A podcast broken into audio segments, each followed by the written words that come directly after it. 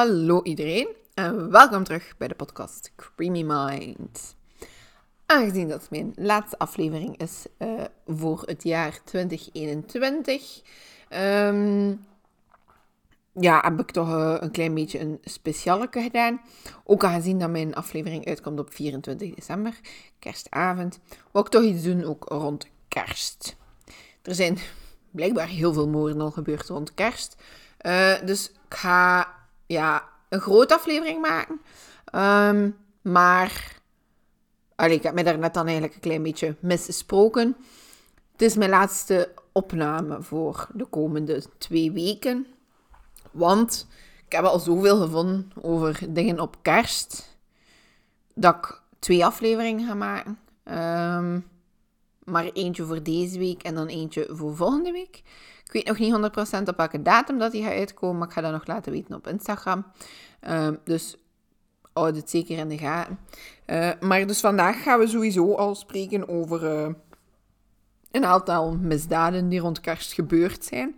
Um, maar ja, uh, als je een grotere deep dive wil door van een van de, afle van een van de verhalen, laat het mij zeker weten. Want ook al heb ik een groot deel wel vrij uitgebreid gedaan, toch kunnen er echt nog veel meer over vinden bij sommige verhalen. Uh, en ik wil gerust een van die verhalen een keer in het lang en in het breed um, vertellen op een aflevering apart. Uh, maar dus laat mij dat zeker weten via ofwel Instagram op Creamy Mind Podcast ofwel via de mail creamymindpodcast.gmail.com. En ik hou er zeker rekening mee volgend jaar. maar dus ja, kerst. Uh, een feestdag die ja, niet geliefd is bij iedereen, jammer genoeg. Bij mij wel, heel erg. Uh, dan weer vol met de kerstversiering. Um, voor sommige mensen is het wel ook een sombere dag. Ik ga dan ook de verhalen vertellen van die mensen, bij wie dat een iets meer sombere dag is. Moest trouwens op de achtergrond een hond horen blaffen. De hond van mijn buren is nogal vocaal als er mensen passeren. En aangezien dat wij nog geen haag hebben, kan die dus recht naar de straat bij ons kijken. Um, dus uh, ja, ik ga, het laten gebeuren. het is onvermijdelijk. Ik probeer het er vaak uit te knippen, maar het gaat niet lukken. Um, maar, bon, to the point. Um, er zitten ook een paar uh, kerstmysteries tussen. Dus uh, we gaan er zelfs mee beginnen, als ik het zo zeg. Let's go. Um, we beginnen bij het verhaal van de Sodder Family.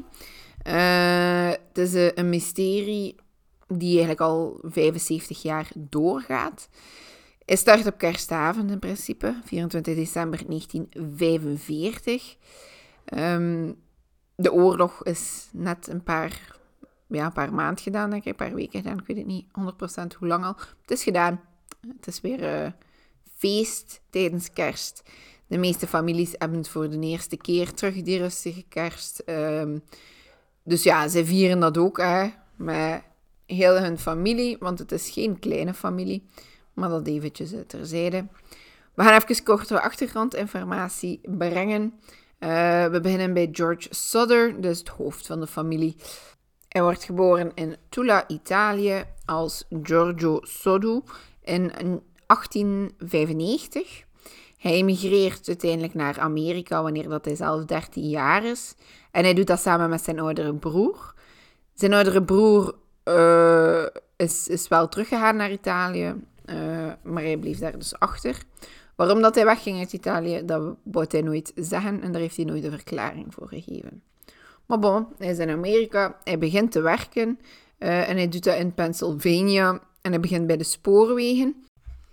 Is daar eigenlijk het hulpje van de werkmensen. Uh, hij moet daar water en spullen brengen, brengen, brengen naar mensen die aan de spoorwerken aan het werken zijn. Later begint hij dan te werken als chauffeur in West Virginia en uiteindelijk begint hij dan ook zijn eigen truckingbedrijf. Dan uh, zijn vrouw Jenny Cipriani is ook een immigrante van Italië. Uh, ze trouwt later met George. Ze vestigen zich bij Fayetteville. Denk ik dat je het zo uitspreekt. Um, en dat is een uh, regio waar dat er heel veel Italiaanse immigranten wonen. Uh, ze kopen of bouwen. Ik weet niet hoe, ik denk bouwen een huis met twee verdiepingen. En het is dan in 1923 dat er eerste kind wordt geboren. En er zouden er nog negen volgen. het laatste kind Sylvia wordt uiteindelijk geboren in 1943. Tegen dan uh, was de oudste zoon Joe, of de tweede oudste zoon, um, al in het leger gegaan om te vechten in de Tweede Wereldoorlog. Ze waren eigenlijk een zeer gerespecteerde familie uh, door George zijn bedrijfje. Dat gaat ook heel goed en hij, hij, heeft heel veel werk daarin. Toch was George ook niet altijd even graag gezien bij de populatie daar, omdat hij absoluut geen blad voor de mond nam. Uh, het was een flap uit en hij ging zeggen wat hij dacht en hij dacht er geen twee keer over na. hij had een heel sterke mening over uh, onder andere Mussolini Benito, toen de Italiaanse dictator in die tijd. Um, en zijn hevige uitspraken hebben op een gegeven moment geleid tot, zeer zware discussies met andere Italiaanse immigranten die wel achter Mussolini stonden. Um, Mussolini werd uiteindelijk geëxecuteerd in 1995. Uh, eh, of 45 zal het eerder zijn. Ik heb dat helemaal verkeerd opgeschreven. en George, ja, verbergt zijn mening er ook niet over. Um, in oktober van dat jaar, in 1945, zou er ja, iets van verkoper of zo, van levensverzekeringen, die bij hen nog geweest zijn in huis, gezegd hebben. Dus, allez, quote. Uh, your house will go up in smoke and your children are gonna be destroyed. Einde quote. Um, later zou een andere bezoeker, zoals blijkbaar iemand die werk zocht bij George, gezegd hebben dat zijn elektriciteitsbak nog een keer in brand ging vliegen. Um, terwijl George zoiets had van, dat is vreemd, ik heb mijn huis nog maar net laten herbedraden, omdat ze een elektrische stoof hadden gekocht. Um, dus allee, het zijn nieuwe nieuwe bedrading, dat ga hier niet in de fik vliegen. Uh, dus dat klonk wel een beetje raar. Dan uiteindelijk de week voor kerst merkt de oudste zoon op dat er een onbekende wagen geparkeerd staat in de straat. Um, wat hij daarbij opmerkt, is dat die persoon die erin zit aan het kijken is hoe dat de kinderen van de Soller family uh, naar huis aan het wandelen zijn wanneer dat ze van school komen. Dus dat was wel iets speciaals. Uh, maar hoe dan ook, de Sodders probeerden er dan ook een heel mooie kerst van te maken in 1945. Ze waren ook aan het uitkijken op de terugkomst van hun zoon Joe, want die kwam enkele dagen of enkele weken daarna eindelijk naar huis. De oudste dochter, Marion, had veel gewerkt in uh, de winkel. Ik heb nu niet opgeschreven welke winkel dat was. Hoe dan ook, ze werkte heel veel. Uh, en door daar veel te werken, inclusief op kerstavond, uh, de dag van kerstavond dan, had ze genoeg geld bij elkaar gesprokkeld om cadeautjes te kopen voor haar drie jongste zussen. Dat ging over Martha, die 12 was, Jenny, die 8 was, en Betty, die 5 was. Um, de zusjes waren natuurlijk in de zevende hemel, hoe dat je dat ook zegt. Um, en omdat ze zo blij waren met hun cadeautjes, uh, vroegen ze ook aan hun mama of dat ze even wat langer konden opblijven die avond, om toch wel met hun nieuwe cadeautjes te spelen. Jenny, de mama dan, want het wordt een beetje ingewikkeld aangezien dat ze haar dochter ook Jenny heeft genoemd. Maar oké. Ehm, Jenny, de mama, zegt dat oké is. Um, het is ondertussen wel al tien uur, maar ze mochten wel nog een beetje opblijven. Ze vraagt wel nog aan haar twee zonen die daar ook zijn, Maurice van uh, eh, 14 en Louis of Louis uh, van 9 om de koeien uh, binnen te steken en de kippen nog eten te geven voordat ze naar hun bed gingen.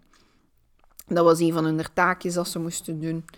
Uh, vader George en twee oudste zonen John, 23, en George Jr., 16, lagen op dat moment al te slapen. Uh, nadat ze een lange werkdag hadden gehad samen, want John en George Jr. Uh, werkten bij de papa. Moeder Jenny neemt op dat moment ook kleine Sylvia, die twee jaar is op dat moment, mee. Uh, en ze gaat er samen mee gaan slapen. Klein beetje de layout van het huis. Uh, de kamer van Jenny en George zijn, is op de gelijkvloers. Uh, Sylvia slaapt bij hen op de kamer. Je hebt dan de trappen naar omhoog, waar dat onder andere John, John en George Jr. slapen. Eh, en dan heb je nog een trap verder naar omhoog, waar dat dan de rest van de kinderen ook nog slapen. Ik weet niet of dat er op de eerste verdieping nog meer kinderen sliepen. Maar ik weet in ieder geval dat een groot deel, allez, Martha, Jenny, Betty, Morris en Louis, uh, Louis, dat die allemaal op de zolder zo gezegd sliepen. Maar dat was hun slaapkamer. Maar dus dat je een beetje weet hoe dat in elkaar zit. Rond 12.30 uur die nacht gaat dan uiteindelijk de telefoon. Uh, mama Jenny loopt naar de telefoon en ze neemt op. En aan de andere kant van de lijn begint er een vrouw aan haar te vragen of dat ze iemand, allee, of dat de persoon er, allee, een of andere persoon daar is. Maar Jenny kent de naam niet. Um, ook de vrouw die aan het bellen is, is niet echt, komt, niet haar, allee, komt daar niet echt bekend voor. Um, dus ze zegt van sorry, uh, maar heb het verkeerde nummer. Ze merkt ook wel op tijdens die telefoon dat er op de achtergrond precies een vrij feestje aan de gang is. Um, een soort gelach en zo glazen die met elkaar chingen en dergelijke. En ze merkt op dat op het einde van, uh, van het gesprek, wanneer dat Jenny zegt dat ze een verkeerde toets heeft, uh, verkeerd nummer heeft getoetst, dat de vrouw ook heel raar begint te lachen. Ze vond het allemaal wel een beetje vreemd. Maar ze gaat terug naar bed uh, en ze merkt op dat de kinderen de lichten zijn vergeten uit doen. En ook de gordijnen zijn vergeten dicht doen. En de deur is nog open. Allee, ik bedoel dan gewoon niet op slot. Dus terwijl dat ze het licht wil gaan uitdoen en de gordijnen wil gaan toedoen en zo, ziet ze dat Marion op de zetel in slaap was gevallen. Want zij was blijven kijken naar de kinderen, omdat er toch jonge kinderen tussen zaten. Maar ze moet ondertussen in slaap gevallen zijn. De rest van de kinderen zijn er niet meer. Uh, er is er geen spoor meer van. En uh, Jenny denkt dan ook dat ze al naar hun bed zijn. Um, ze doet de gordijnen toe, ze doet de deur op slot, ze, gaat, ze doet het licht uit en ze gaat uiteindelijk terug naar haar bed. Een goed half uur later, rond 1 uur s'nachts dus, wordt Jenny opnieuw wakker. Ze hoort op dat moment iets tegen het dak vallen uh, en ze hoort het naar beneden rollen. Allee, ik weet niet of je dat, zo het geluid kent van like, een een noot of zo die een vogel laat vallen die op, de grond, eh, op het uh, dak tikt en naar beneden rolt. Ik denk dat... Allez, ik stel me daar zoiets aan bij voor. Ze vindt dat wel wat raar, maar er komt niks meer van geluid. Er komt niks, niets meer achter. Dus ze draait daar gewoon nog een keer om en ze gaat verder slapen. Oké. Ik moet eerlijk zeggen, sommige mensen vonden dat raar, maar gelijk dat ik daarnet aanhaalde, ik ben iemand die gewend is van noten op het dak vallen en zo naar beneden hoort rollen van in de vorige, allez, van bij mijn ouders nog. Dus ik vind het niet zo raar dat je dan gewoon een keer draait en verder slaapt. Maar bon, uiteindelijk een half uur later, tegen 1 uur 30, wordt ze opnieuw wakker. Heel licht slaper dus. Uh, want ze ruikt rook. Ze staat op en ze gaat gaan zoeken van waar dat komt. Uh, en ze vindt dat komt uit een bureau van George. Um, en ze, vindt, ja, ze ziet daar brand. Uh, in die kamer staat ook nog een keer de telefoon en een elektriciteitsbak. Dus ja, het is direct het idee van dat is misschien ontploft of kortsluiting of zo. Allee, het is niet zo abnormaal dat er daar een brand zou beginnen, denkt je dan. Um, maar dus de telefoon zou daar ook gestaan hebben, dus het zou ook niet meer mogelijk geweest zijn voor iemand te bellen. Wat ze wel doen, is ze gaat George gaan wakker maken. Hij gaat op zijn beurt uh, de twee zonen gaan wakker maken die er zijn. Uh, John en George Jr. Jenny neemt Sylvia ook mee.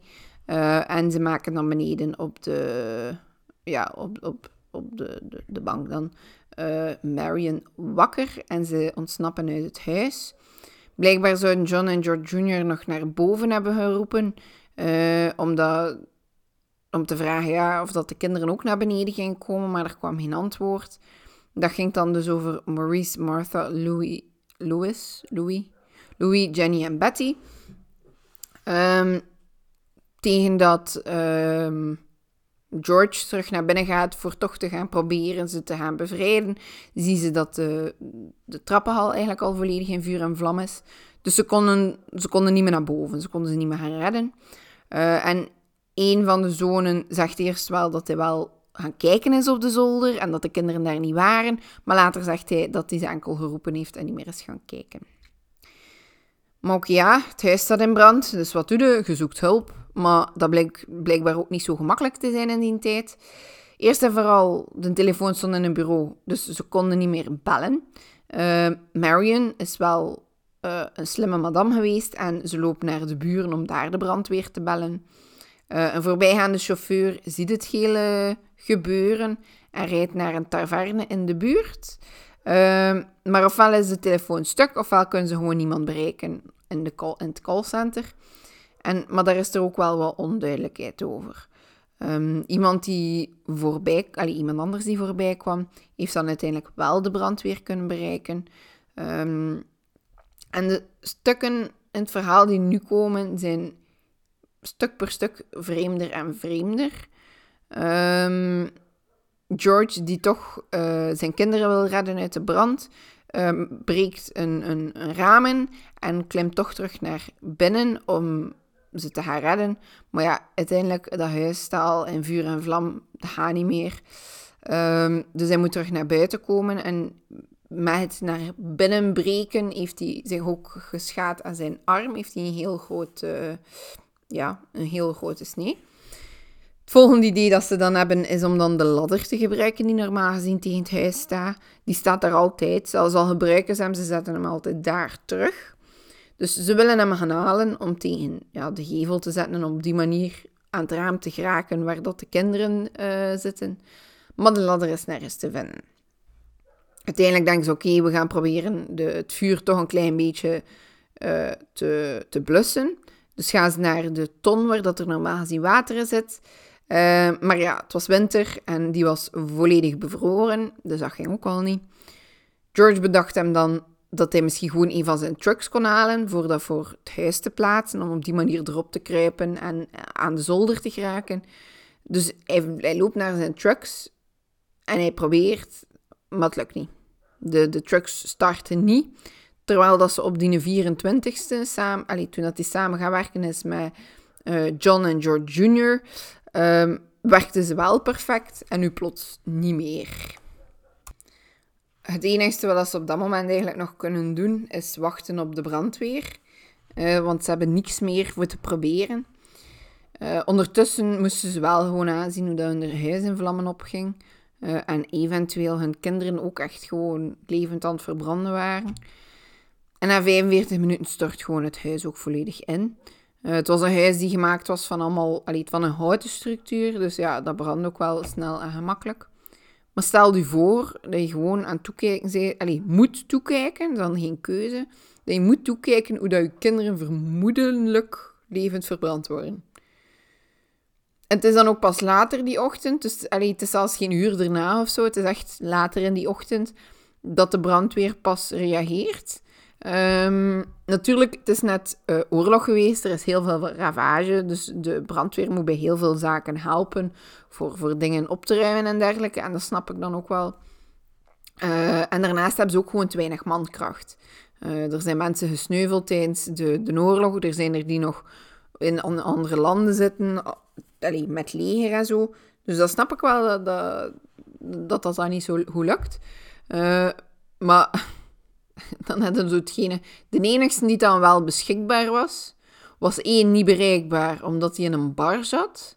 En twee, die kon de brandweerwagen niet besturen. Dus die, die moest wachten totdat er iemand anders was om tot daar te geraken. Dat is dan het absurde van heel het verhaal. Maar ja, de brandweer komt dus toe. Uh, en het enige wat ze eigenlijk kunnen doen is aanschouwen wat dat er nog overschiet van het huis. Ondertussen ligt grotendeels van dat huis gewoon in de kelder als, als as en stukken hout die nog over zijn. Er staan nog een paar dingen recht, maar ook echt niet veel meer. Rond tien uur die ochtend vertellen de brandweeragenten, eh, brandweeragenten, brandweermannen dat ze wel uh, veel assen hebben gevonden en zo, maar geen enkel stukje bot.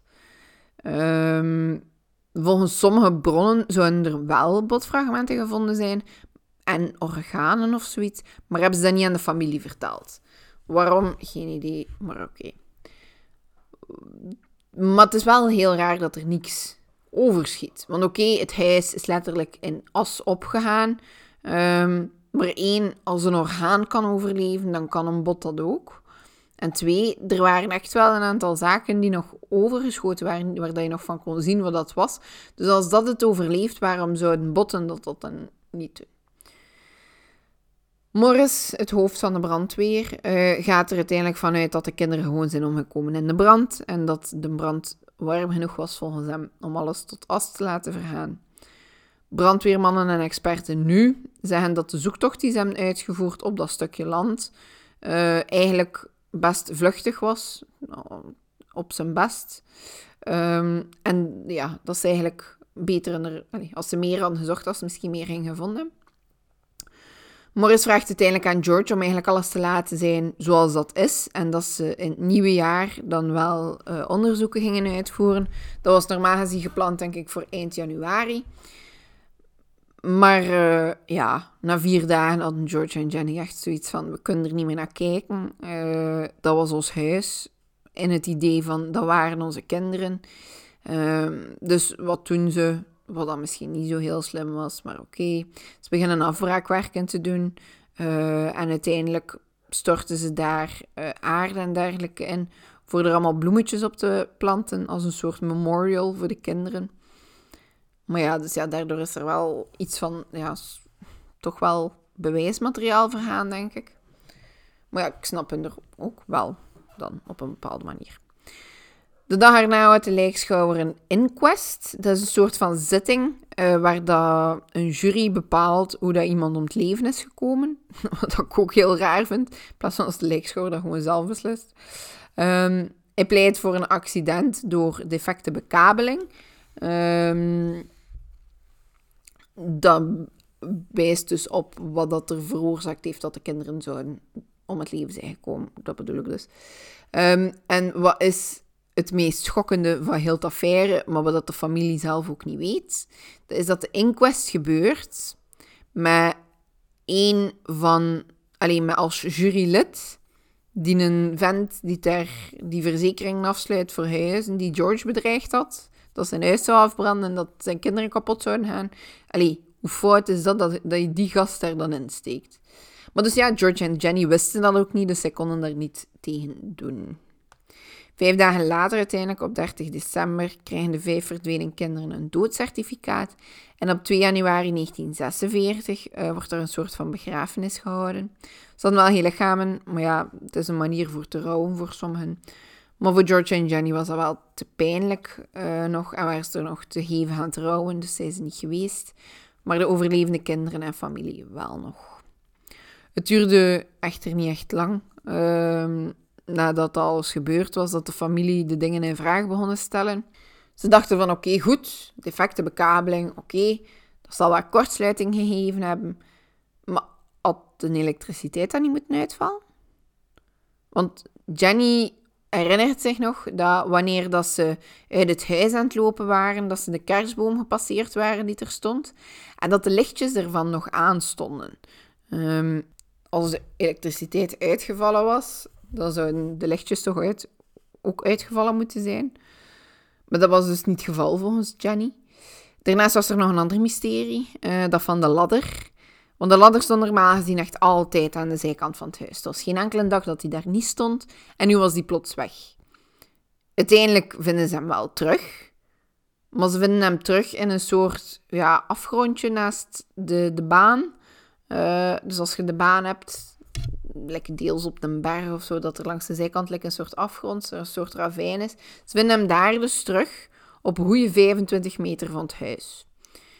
En de telefoon uh, dachten ze, ja, de bekabeling is tijdens een brand ook kapot gegaan. Maar dat was ook helemaal niet zo, dus dat was ook raar.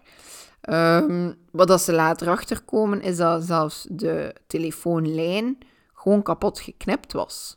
In de paal waar dat, dat zo doorliep, echt, zo die elektriciteitspaal, daar lopen blijkbaar ook de telefoonlijnen door. En die was doorgeknipt. En dat was een paal van 4 meter hoog. En je moest je echt zo'n klein beetje uitstrekken voordat je aan die kabel kwam. Dus dat was ook echt raar. Um, uiteindelijk kwam er wel een soort van uitleg hierover. Uh, er was een man die gearresteerd was voor het stelen van een of ander tilsysteem. Ik weet niet wat dat is. Um, van George. De buren hadden een dag gezien en de politie gebeld. Hij bekende dat hij wel de telefoonlijn had doorgeknipt, maar hij ontkende iets met een brand te maken.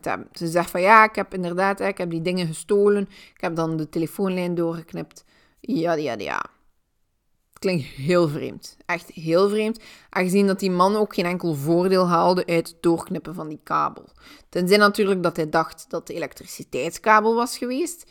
Dat is dan iets anders. Maar ik vraag me af, waarom zou hij dat dan doen? Hij wil iets stelen, that's it. Hij heeft daar toch geen, allez, heeft er geen voordeel bij. En sterker nog, hij moest letterlijk bijna zijn leven op het spel zetten om die kabel door te knippen en dat allemaal voor wat machinerie te gaan pieken. Niet logisch. Jenny zegt uh, later nog een keer dat als de energiekabel was doorgeknipt, dat waarschijnlijk niemand het huis ook was uitgeraakt, omdat dan pikken donker ging geweest zijn en nu ze wel iets van licht hadden gehad. Dus dat ze er vrij zeker van is dat die foute bekabeling, defecte bekabeling niet correct was. Um, Jenny zegt ook dat ze de verklaring van Morris niet gelooft. Over het feit dat er niks van overschotten gevonden werden van beenderen, dat de brand te hevig zou geweest zijn. Um, ze zou um, een aantal zaken in huis zien staan hebben, waarvan dat ze zelf nog herkende wat dat was.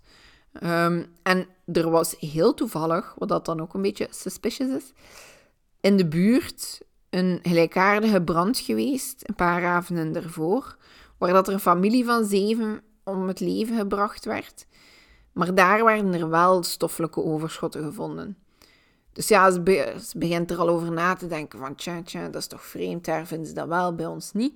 Dus begint te experimenteren op uh, beenderen van bijvoorbeeld ja, kip, zo kippenbotjes, uh, van, van ja, botten van vlees dat je hebt. Bijvoorbeeld als je, hoe het, um, ribbetjes en zo eet. Zo op die botten begint ze testen te doen, begint ze te proberen verbranden en dergelijke. En daarnaast neemt ze ook nog een keer contact op mijn crematorium. Want wie weet het beter dan mensen die andere mensen moeten cremeren. Um, ze vraagt ze letterlijk of dat mogelijk is. Dat ze zo ver weg zijn dat, dat ze volledig verrast zijn. En zelfs de medewerker van het crematorium heeft toe dat dat zeer vreemd is, aangezien dat zelfs zij nog uh, regelmatig beenfragmenten en dergelijke en botten terugvinden na het cremeren van mensen, terwijl dat zij dat doen op 1000 graden Celsius over een periode van twee uur, wat dat veel warmer en langer is dan dat huis in brand heeft gestaan. Dus herinnert u nog dat ik zei dat na 45 minuten dat huis al volledig ingestort was? Dus dat ook een deel van de brand al ook volledig opgebrand was. En zo'n brand haalt ook nooit 1000 graden. Dus dat is ook een beetje vreemd. En dan ja, heb nou die trucks die niet werkten plots. Um, George denkt ook te weten wat er daar is gebeurd. Hij denkt dat die man die bekend heeft dat hij die dingen heeft gepikt en de telefoonlijn heeft doorgesneden, dat hij uh, ook de trucks heeft gemanipuleerd. Die man zelf ontkende dat volgens mij. Um, en een van hun schoonzonen later vertelde ook dat hij er gewoon van overtuigd is dat ze te snel zijn willen gaan en dat ze de trucks hebben doen, ja, doen verzuipen, zeg maar, uh, waardoor dat ze niet meer werkten. Maar velen begonnen dan uiteindelijk ook te speculeren over dat telefoontje die avond, die Jenny, allez, die nacht die Jenny kreeg. En ze dachten dat die ook iets te maken had met een brand. En dat eigenlijk gewoon voor te checken was of dat iedereen thuis was. Voor zeker te zijn dat iedereen omkwam in de brand. Maar onderzoekers zeggen dat ze die vrouw nog hebben kunnen traceren. En dat ze een uh, verklaring heeft afgelegd waarin dat ze zegt van ja, nee, ik heb echt gewoon het verkeerde nummer gedraaid. Ik wou iemand anders bereiken. Oopsie daisy. Maar ja, ze kan natuurlijk zeggen dat ze wel, hè. Als zij echt er iets mee te maken heeft, gaat ze dan natuurlijk ook niet aan de onderzoekers in haar neus gaan hangen. Maar boy, ja, het wordt uiteindelijk lente. Um, er komt meer en meer het geloof naar boven bij meer en meer mensen dat de kinderen niet gestorven zijn, uh, dat er iets anders is gebeurd. Ook het idee dat het uh, geen defecte bekabeling was die de brand heeft gestart, uh, komt naar boven. Um, de, er is die, die nacht ook een buschauffeur gepasseerd, vlak voor de brand. Uh, en die zei dat hij een aantal mensen had gezien die nacht bij het huis. die volgens hem tussen haakjes balls of fire aan het gooien waren naar het huis toe. Waarom dat de vent dan niemand gebeld heeft, ik weet het niet. Of misschien heeft hij wel iemand gebeld, maar was er niemand bereikbaar. Kan heel goed zijn. Maar dus hij verklaart dat hij dat gezien heeft. Ehm, er wordt later ook een soort rubberachtige bal gevonden in de bosjes dicht bij het huis. Allee, het voormalig huis uiteindelijk. Uh, en dat doe je direct denken aan van, ah, was dat misschien wat Jenny hoorde op het dak, s'nachts? Uh, dat, allee, dat kan ook zo'n geluid gemaakt hebben. En dat rolde het dan ook van het dak natuurlijk. De was onderzoekers of mensen, dat is mij niet 100% duidelijk. Maar wie dat, dat dan ook vond, zei dat de fragmenten die erbij waren leken op een uh, zogenaamde pineapple bom. Dat is een soort van handgranaat. Um, dat is blijkbaar ook onderzocht geweest en het was bevestigd dat een pineapplebom was. Uh, en de, onder andere de familie begint meer en meer te geloven dat de brand niet is begonnen in het bureau, maar uh, op het dak zelf of op zolder. Maar brandweermannen blijven dat betwisten. Natuurlijk, een uh, mysterie zou een mysterie niet zijn zonder nutteloze tips. doorheen de jaren waren er dan ook meer en meer mensen die, die claimden dat ze de kinderen gezien hadden in leven. Um, en de familie beslist daardoor ook een privédetectieve in te huren die deze tips eigenlijk een klein beetje nagaat. En die privédetectieve ontdekt dan ook een paar van de geheimpjes. Zo ontdekt hij onder andere uh, dat geheimpje van die fragmenten, allee, die botfragmenten die toch gevonden zijn. Um, en ook dat orgaan. Blijkbaar was dat orgaan een hart. Um, en zou Morris dat in een metalen kistje gestoken hebben en dat begraven hebben. Morris zou dat dan aan pastoor verteld hebben of dergelijke. En al ja, ja, ja, ja. Is tot bij die directieven geraakt. Uh, en is samen met die pastoor dat dan gaan vertellen aan George. George en Jenny zijn op hun beurt dan naar Morris gegaan om hem daarmee te confronteren die betwisten dat ook totaal niet. En die wezen dan uiteindelijk naar de plek waar dat hij dat kistje had begraven. Uh, de inhoud namen ze dan uiteindelijk mee naar een lijkschouwer. Maar die zei dat het eigenlijk gewoon ging om een lever van een dier. Die nooit in aanraking is geweest met dat vuur. Dus het was, het was als geen stuk lever die in hun refrigo had gelegen. Uh, nee, dat was gewoon een random stuk lever. Morris zou dan uiteindelijk toegegeven hebben dat dat een soort tactiek was om de familie te doen beseffen dat de kinderen gestorven waren in die brand. But I call bullshit. Ja, in augustus 1949 hebben ze uiteindelijk een patholoog kunnen overtuigen om uh, de grond op te spitten, allez, om te spitten en zo. En uh, onderzoeken te doen op stukjes ervan. Om te kijken of dat er ja, fragmenten van botten in zaten of dergelijke. Uh, en ze vonden uiteindelijk, dus effectief, een stukje van een wervel van een persoon. Alleen zei de patholoog wel dat dat geweest moest zijn van iemand van 16, 17 jaar op zijn jongst. Um, maar het oudste kind die achterbleef op de zolder was slechts 14. Het is wel niet uitgesloten dat het hem was, uh, maar toch zeggen ze dat hoogstwaarschijnlijk de beenderen waren van iemand anders. Um, George beseft dan op een gegeven moment ook van, ah ja, shit, ik heb die, die aarde en zo waarmee dat ik dat perceel heb bedekt op een, uh, allez, ja, een begraafplaats gehaald. Dus de aarde die ze uit de grond halen wanneer dat ze er een kist willen insteken en die overschiet. Er was er een hoopje van blijkbaar, dat heeft hij meegekregen en heeft hij op dat land gedropt. Dat werd dan blijkbaar op een of andere manier ook nog een keer bevestigd. Wat dat de patholoog wel vreemd vond, was dat er eigenlijk niks anders van fragmenten gevonden werden uh, in die aarde. Aangezien dat, zoals dat hij en de mensen van het crematorium gezegd hebben, het was een zeer korte brand. Uh, het huis bestond uit hout en dat werd heel snel doorbrand. En allee, dat kan niet dat er daar niks van overbleef. Volgens de patholoog moest er minstens een schedel of twee overgebleven zijn van die kinderen. Dat kon niet anders. Maar er was dus echt gewoon niks. Onderzoekers geven het wel op, zijn er gewoon van overtuigd, ze zijn dood. Maar de familie Sodder doet dat niet. Ze willen op een gegeven moment zelf 5000 dollar geven voor de tip die hen naar een antwoord leidt. later wordt dat dan ook verhoogd. Uh, en er wordt ook een heel groot billboard van de kinderen uh, aan die memorial geplaatst, dus aan de plaats waar dat huis vroeger was. Om toch telkens de mensen die er langs te rijden, toch de, de gezichten van de kinderen te tonen en, en te laten weten wat er gebeurd is. Een van de beste uh, leads in de zaak vind ik dan wel toch de foto dat ze kregen. Op een gegeven moment ontvangen ze namelijk een brief en daarbij zit er een foto. De foto is ja, een man rond de 30 uh, gok ik hem. Ik ben wel heel slechte leeftijd eraan. Maar hij lijkt het op ja, ongeveer 30. En in de dingen dat ik vond, vond iedereen dat ook. Dus ik zal wel juist zijn. En de jonge man lijkt enorm op een van de verdwenen jongens, Louis. Uh, die zou ook ergens in de 30 moeten zijn. Maar dat wil dus zeggen dat hij nog leeft als, dat, als, als die foto effectief Louis is.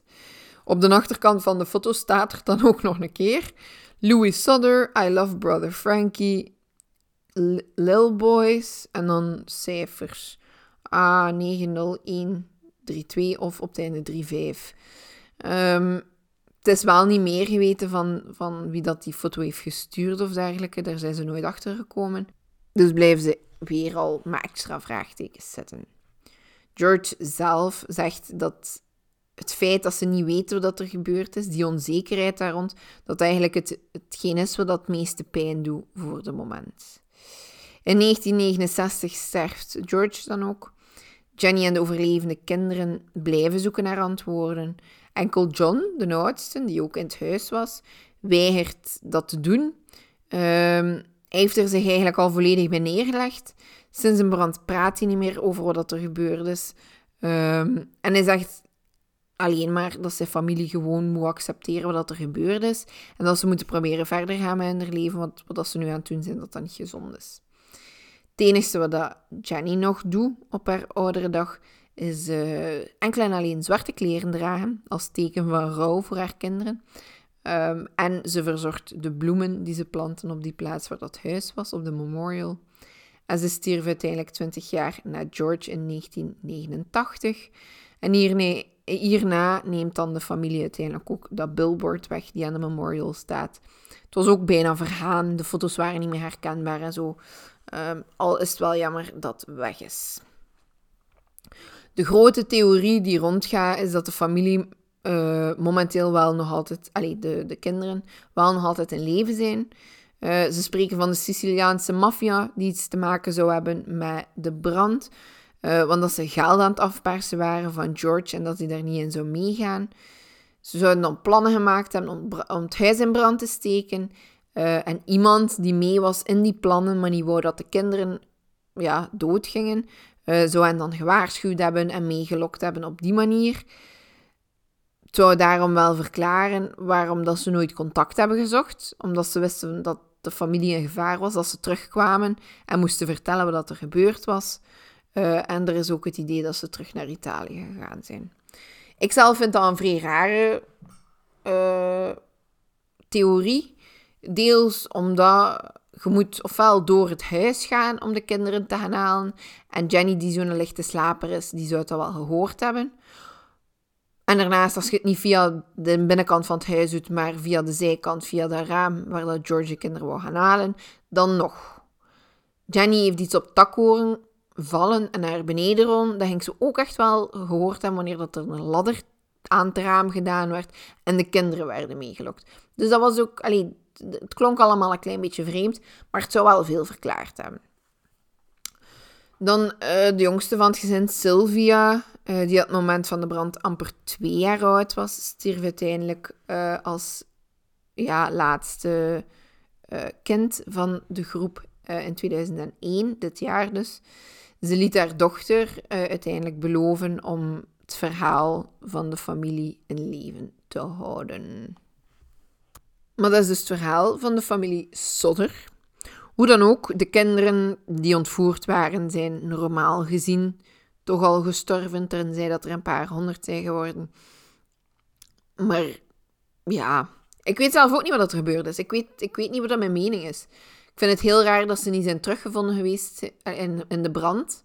Het enige wat ik aan kan denken dat gebeurd zou zijn, is dat wanneer dat, ehm, de twee jongens de koeien moesten binnenhalen en zo, dus ze zijn naar buiten moeten gaan, dat bijvoorbeeld de meisjes even zijn meegegaan en dat ze daar ontvoerd geweest zijn en om hun sporen te, te verdoezelen, dat ze het huis in brand gestoken. Ik denk dat dat misschien een meer logische verklaring is. Ehm, maar ik weet het eerlijk gezegd niet. Het is uh, heel mysterieus allemaal. Maar laat mij zeker weten wat jullie theorieën zijn. Of jullie favoriete theorieën die je al zijn tegengekomen over de zaak. Ik wil het echt allemaal weten, dus stuur ze mij door alsjeblieft. maar dan gaan we over naar de volgende zaak. Uh, dat is de zaak van Samina Imam. Uh, daarvoor gaan we nu naar Engeland. We zitten in de jaren 2000 en heel specifiek 2014. Ook echt niet lang geleden dus. Um, Samima, Samima, Samina Imam is een 34-jarige jonge dame uh, die zich op dat moment aan het klaarmaken, allee, op het moment van de feiten aan het klaarmaken is voor de kerstperiode. Uh, ze belt op de 24e nog naar haar zus en ze belooft aanwezig te zijn op uh, Boxing Day. Voor ons is dat kerstdag, in Engeland is dat Boxing Day, dus wanneer de alle Britten hun pakjes openmaken en ja, echt feest vieren. um, dus ze belooft dat ze aanwezig gaat zijn daarbij bij haar familie. Maar wanneer dat ze die dag daarna, op Boxing Day zelf dus, niet komt opdagen, begint de familie zich wel zorgen te maken. Het is niet iets wat Samina zou missen. Het is een jaarlijkse traditie, hoe dan ook, ze is er altijd bij. Maar zeker ook het feit dat ze niets laat weten is vreemd, uh, want ze belt regelmatig naar de familie. En dat ze dit nu niet zo laat weten is wel raar. Ze bellen dus heel snel de politie uh, en ze laten weten dat er iets niet pluis is. En lo en behold, de onderzoekers zetten eigenlijk heel snel een onderzoek op poten. Um, ze doen enorm hun best, maar tijdens die eerste paar dagen komen ze eigenlijk niet zoveel te weten. Maar toch, uh, allee, ze doen wel door. Het is dan uiteindelijk op 4 januari van 2015 dat de politie hun eerste aanwijzingen vinden. Uh, want ze vinden haar wagen. Ze vinden die in Luton. Luton? Ik weet niet hoe je het uitspreekt. Uh, maar dat is toch een groot uur van waar dat ze werkte in de Costco, waar dat ze als laatste gezien was. Wanneer dat ze de auto onderzoeken, merken ze iets heel vreemds op. En dat is dat er niets, maar dan ook echt niks te vinden is van vingerafdrukken of DNA. Maar dat is dus heel vreemd, want als je minstens een uur lang moet rijden van je werk naar die plaats, dan moeten er al minstens vingerafdrukken op je stuur staan of op je versnellingspook of allee, waar dan ook in de wagen, hè, als je je auto open doet. Maar dus er, er is niks te vinden. Onderzoekers zijn dus echt al wel snel overtuigd dat er toch wel iets mis is gegaan en dat Samina waarschijnlijk niet uit vrije wil verdwenen is. Ook niet dat er een ongeval zou gebeurd zijn of dergelijke. Allee, ze gaan echt direct al uit van, deze is. Ze beginnen naar haar gsm-gegevens te kijken. Ze hebben haar gsm niet, maar ze kunnen wel de belgegevens en de gps-gegevens bekijken en opvragen. En ook haar sms'jes kunnen ze wel opvragen en dergelijke. De namen uh, Roger, of Roger, ik weet niet hoe je het in Engeland uitspreekt, en David Cooper uh, komen naar boven uh, in het onderzoek. De GPS van haar gsm toonde aan dat ze op de 24e richting Leicester, is gegaan. Um, en aangezien haar wagen in Luton werd gevonden, weten ze dat ze dat niet alleen deed. Ze zijn de twee mannen dan ook beginnen onderzoeken. Uh, en er waren al heel snel een aantal zaken duidelijk. Door gegevens en ondervragingen onder andere komen ze erachter dat Roger en Samina al een goede twee jaar niet alleen collega's waren in dezelfde Costco, maar dat ze eigenlijk die tijd lang ook al een relatie hebben met elkaar. Voor Roger is echter een affaire, um, want hij heeft wel een vaste vriendin thuis. Ik heb haar naam wel ergens gevonden, maar ik ga haar hier niet vernoemen, want dat is niet noodzakelijk. Um, hij leidde, Roger dan, leidde dus al die tijd al een dubbel leven. Samina wist dat ook, ehm, maar het werd er op een gegeven moment een beetje te veel. Ze gaf hem dan uiteindelijk ook de keuze: ga weg bij je vaste vriendin of het is over tussen ons. Een vrij simpele keuze lijkt mij dan. Maar voor Roger was dat niet zo simpel blijkbaar. Uh, voor hem leek dat niet zo vanzelfsprekend, want hij wou zijn vaste vriendin niet kwijt. Maar hij was bang dat als hij het gedaan maakte met Samina, dat ze haar verhaal ging gaan doen tegen zijn vriendin en dat hij dan haar ook zou kwijt zijn. Um, dat zou dan ook ja, het einde direct betekenen tussen zijn leuke dubbele leven. Dus ja, hij besluit van dat niet te doen. Uh, maar hij belooft Samina wel dat ze tegen het begin van 2015 officieel samen zouden zijn. Samina was dus in de wolken die kerst. Um, alleen was Roger niet direct een man van zijn woord. Het verhaal van wat er met Samina gebeurd is, begint echter niet op de 24e. Uh, alles begint eigenlijk op de 12e december. Roger had met zijn broer een soort van deal gesloten. Waarom dat hij erin mee is gegaan, de stoemerik, ik weet het niet. Maar hij heeft dat dus gedaan. Roger wou van Samina, uh, maar zonder dat hij betrapt zou worden op overspel.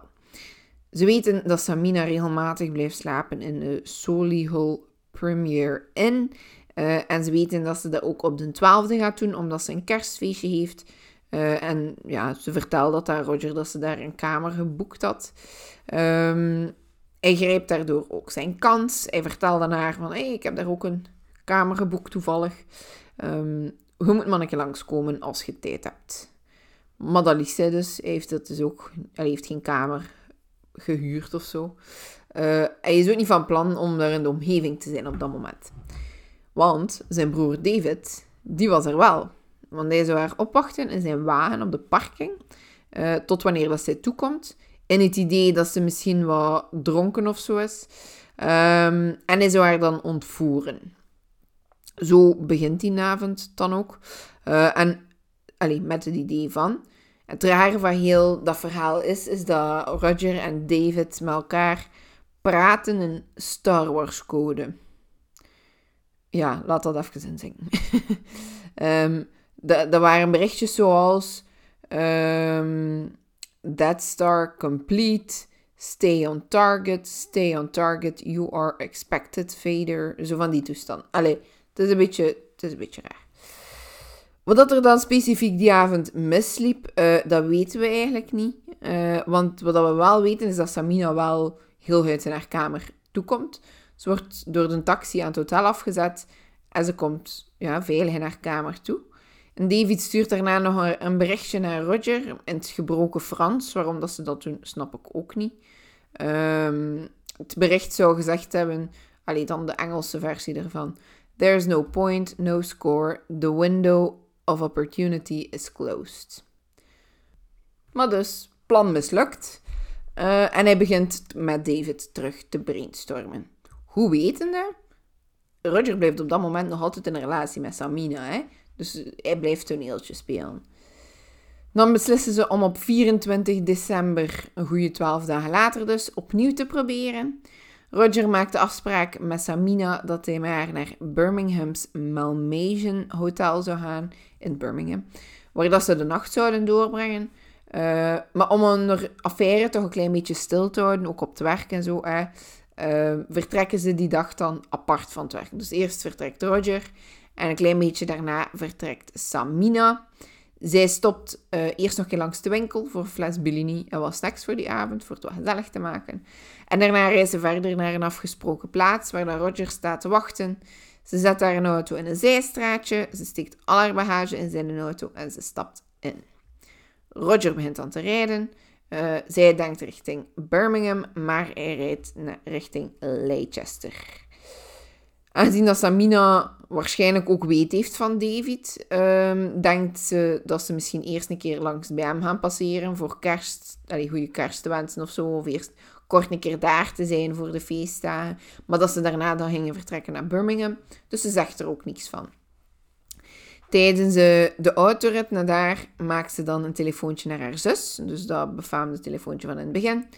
Ze praat even over hoe dat met de familie gaat. Specifiek ook een keer over hoe dat met de mama gaat. Uh, en daarna praten ze dan over wat er op Boxing Day zou gebeuren. Uh, en ze belooft dus dat ze op die dag er op tijd zal zijn. Rond vijf uur, die namiddag, avond, ja, ik weet niet wat je dat moet noemen, uh, komen ze aan bij het huis van David. En David geeft op een gegeven moment het verhaal dat hij haar binnenliet en thee wou geven met een soort chloroformen Maar ze wou niets aanvaarden. Hij zegt dat hij haar dan met een doek heeft bedwelmd en heeft vermoord.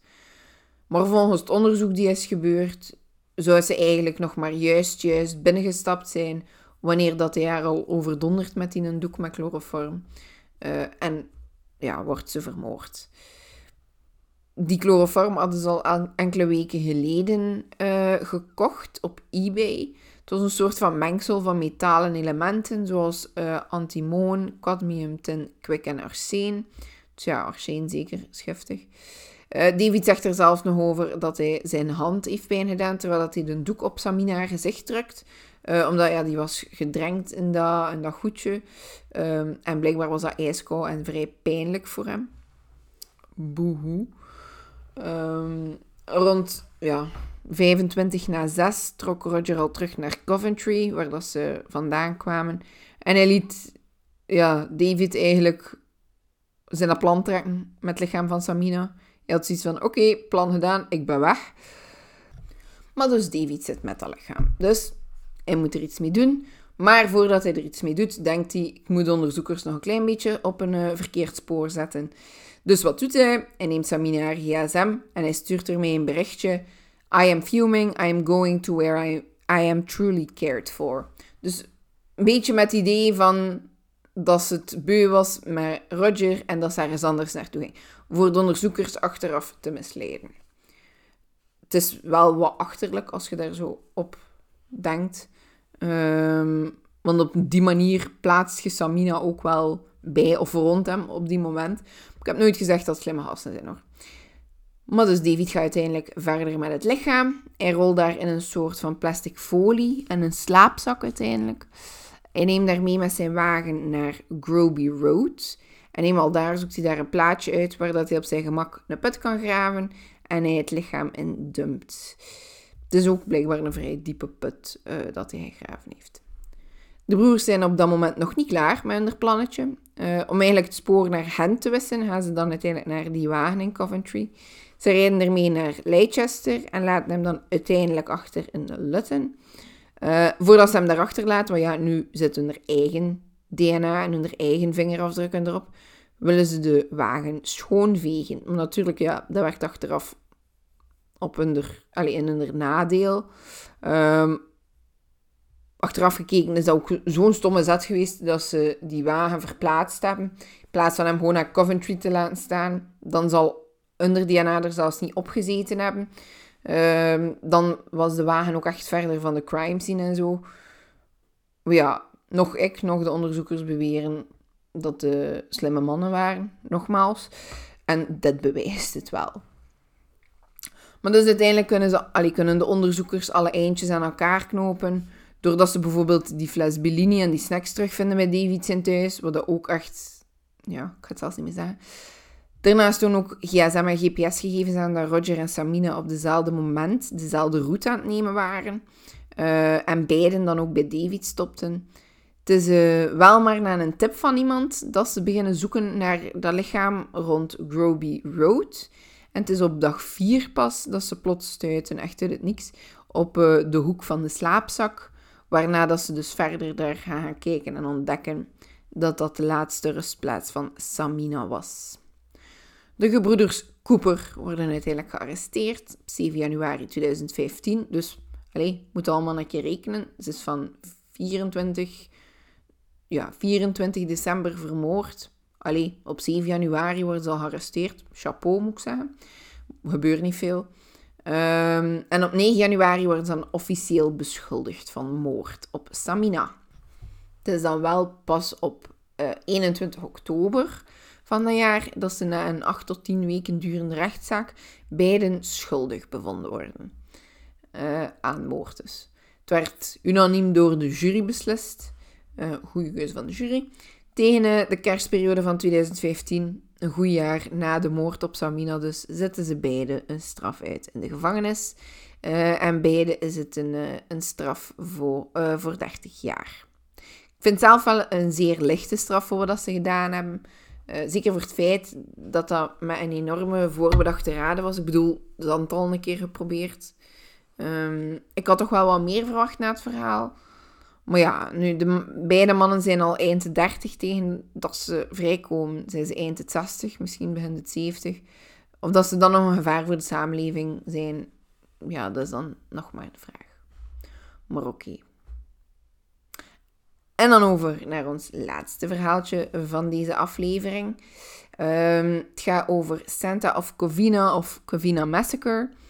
Uh, het verhaal van uh, de Santa of Covina of de Covina Massacre speelt zich af op kerstavond in 2008 in, je raadt het nooit, Covina. Dat ligt in Los Angeles, by the way.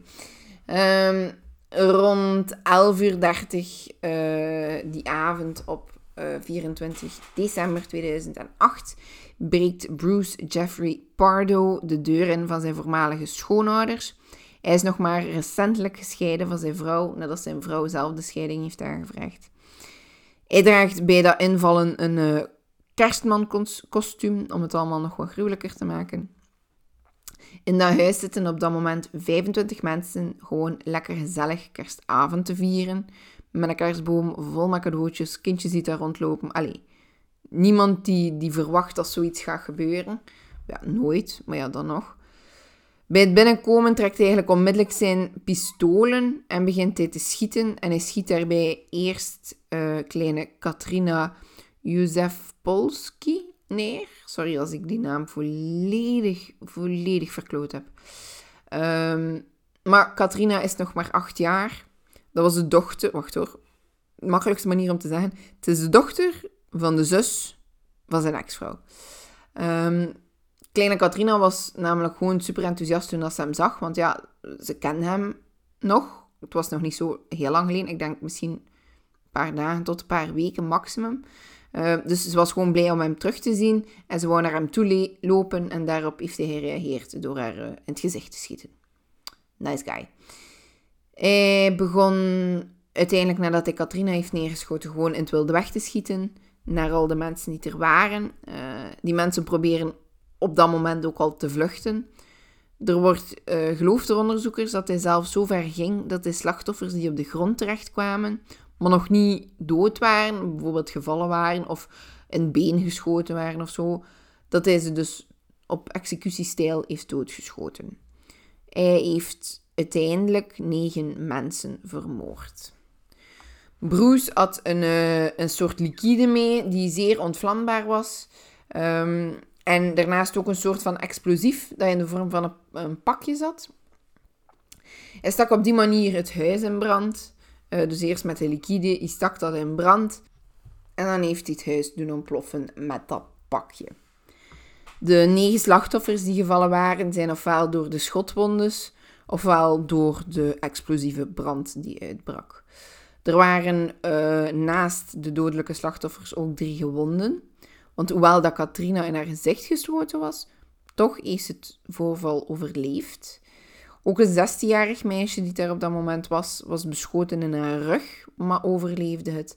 En een 20-jarige dame raakte gewond aan haar enkel wanneer dat ze uit het raam sprong van het eerste verdiep. Maar ze heeft ja, dat duidelijk ook overleefd. Een andere persoon die daar aanwezig was, overleefde het hele voorval zonder veel schrammen of dergelijke. Um, omdat ze de hulpdiensten heeft kunnen bellen nadat ze ja, het huis ontvlucht was en naar de buren was gegaan. Agenten, ambulanciers en brandweermannen komen heel snel ter plaatse. Het vuur heeft een goed uur en een half gebrand voordat de weliswaar 80 brandweermannen de brand konden blussen. Het was zo intens dat de slachtoffers op dat moment enkel nog konden geïdentificeerd worden door tand- en medische gegevens. Even terug naar ons eerste verhaal. Zelfs hier waren er overschotten van de lichamen. Waarom in dat eerste niet? Dat terzijde. Mm, Bruce uh, verkleedt zich in zijn gewone kleren, ik denk in zijn auto, uh, voordat de hulpdiensten aankomen en hij vertrekt met zijn wagen, dus een Dodge Caliber, naar zijn broer in Silmar. Dat is een goede 48 kilometer van waar dat hij net uh, negen mensen vermoord heeft. Zijn broer was op dat moment niet thuis en hij wordt er dan ook uh, uiteindelijk gewoon teruggevonden, alleen. Um, maar hij had zichzelf van het leven beroofd door zichzelf ja, in het hoofd te schieten gewoon. Ehm, onderzoekers beginnen te kijken wat, dat ze, wat dat zijn plan eigenlijk was. Na wat dat hij gedaan had. Wat, wat was zijn intentie? Was hij van plan voor zichzelf te vermoorden, of niet? Ehm, ze vinden dat hij een vliegticket, vliegtuigticket had gekocht uh, voor die een dag. Een dag daarna. Alhoewel, allee, maakt nu niet uit. Het was voor in die tijdspanne. Uh, met de eindbestemming Canada. Maar het was wel een vluchten onder andere in een aantal andere stukjes van Amerika stopte. Dus er waren ook wel meerdere haltes waar dat hij naartoe kon willen gaan. Um, er waren dan ook een aantal theorieën ontstaan van wat hij van plan was. Een van die theorieën was dat hij effectief van plan was voor naar Canada te vluchten, om daar een nieuw leven um, te beginnen. Theorie 2 is dat hij een van de tussenstops wou gebruiken om hen eigenlijk op het foute spoor een beetje te zetten dat hij zogezegd naar Canada zou gegaan zijn. Maar langs de andere kant denken ze ook gewoon van oké, dat vliegtuigticket was misschien gewoon een volledig afleidingsmanoeuvre. Er was iets volledig anders van plan. Hoe dan ook, um, tijdens die brand heeft hij zichzelf zeer zwaar verbrand. Uh, zowel tweede als derde graads brandwonden.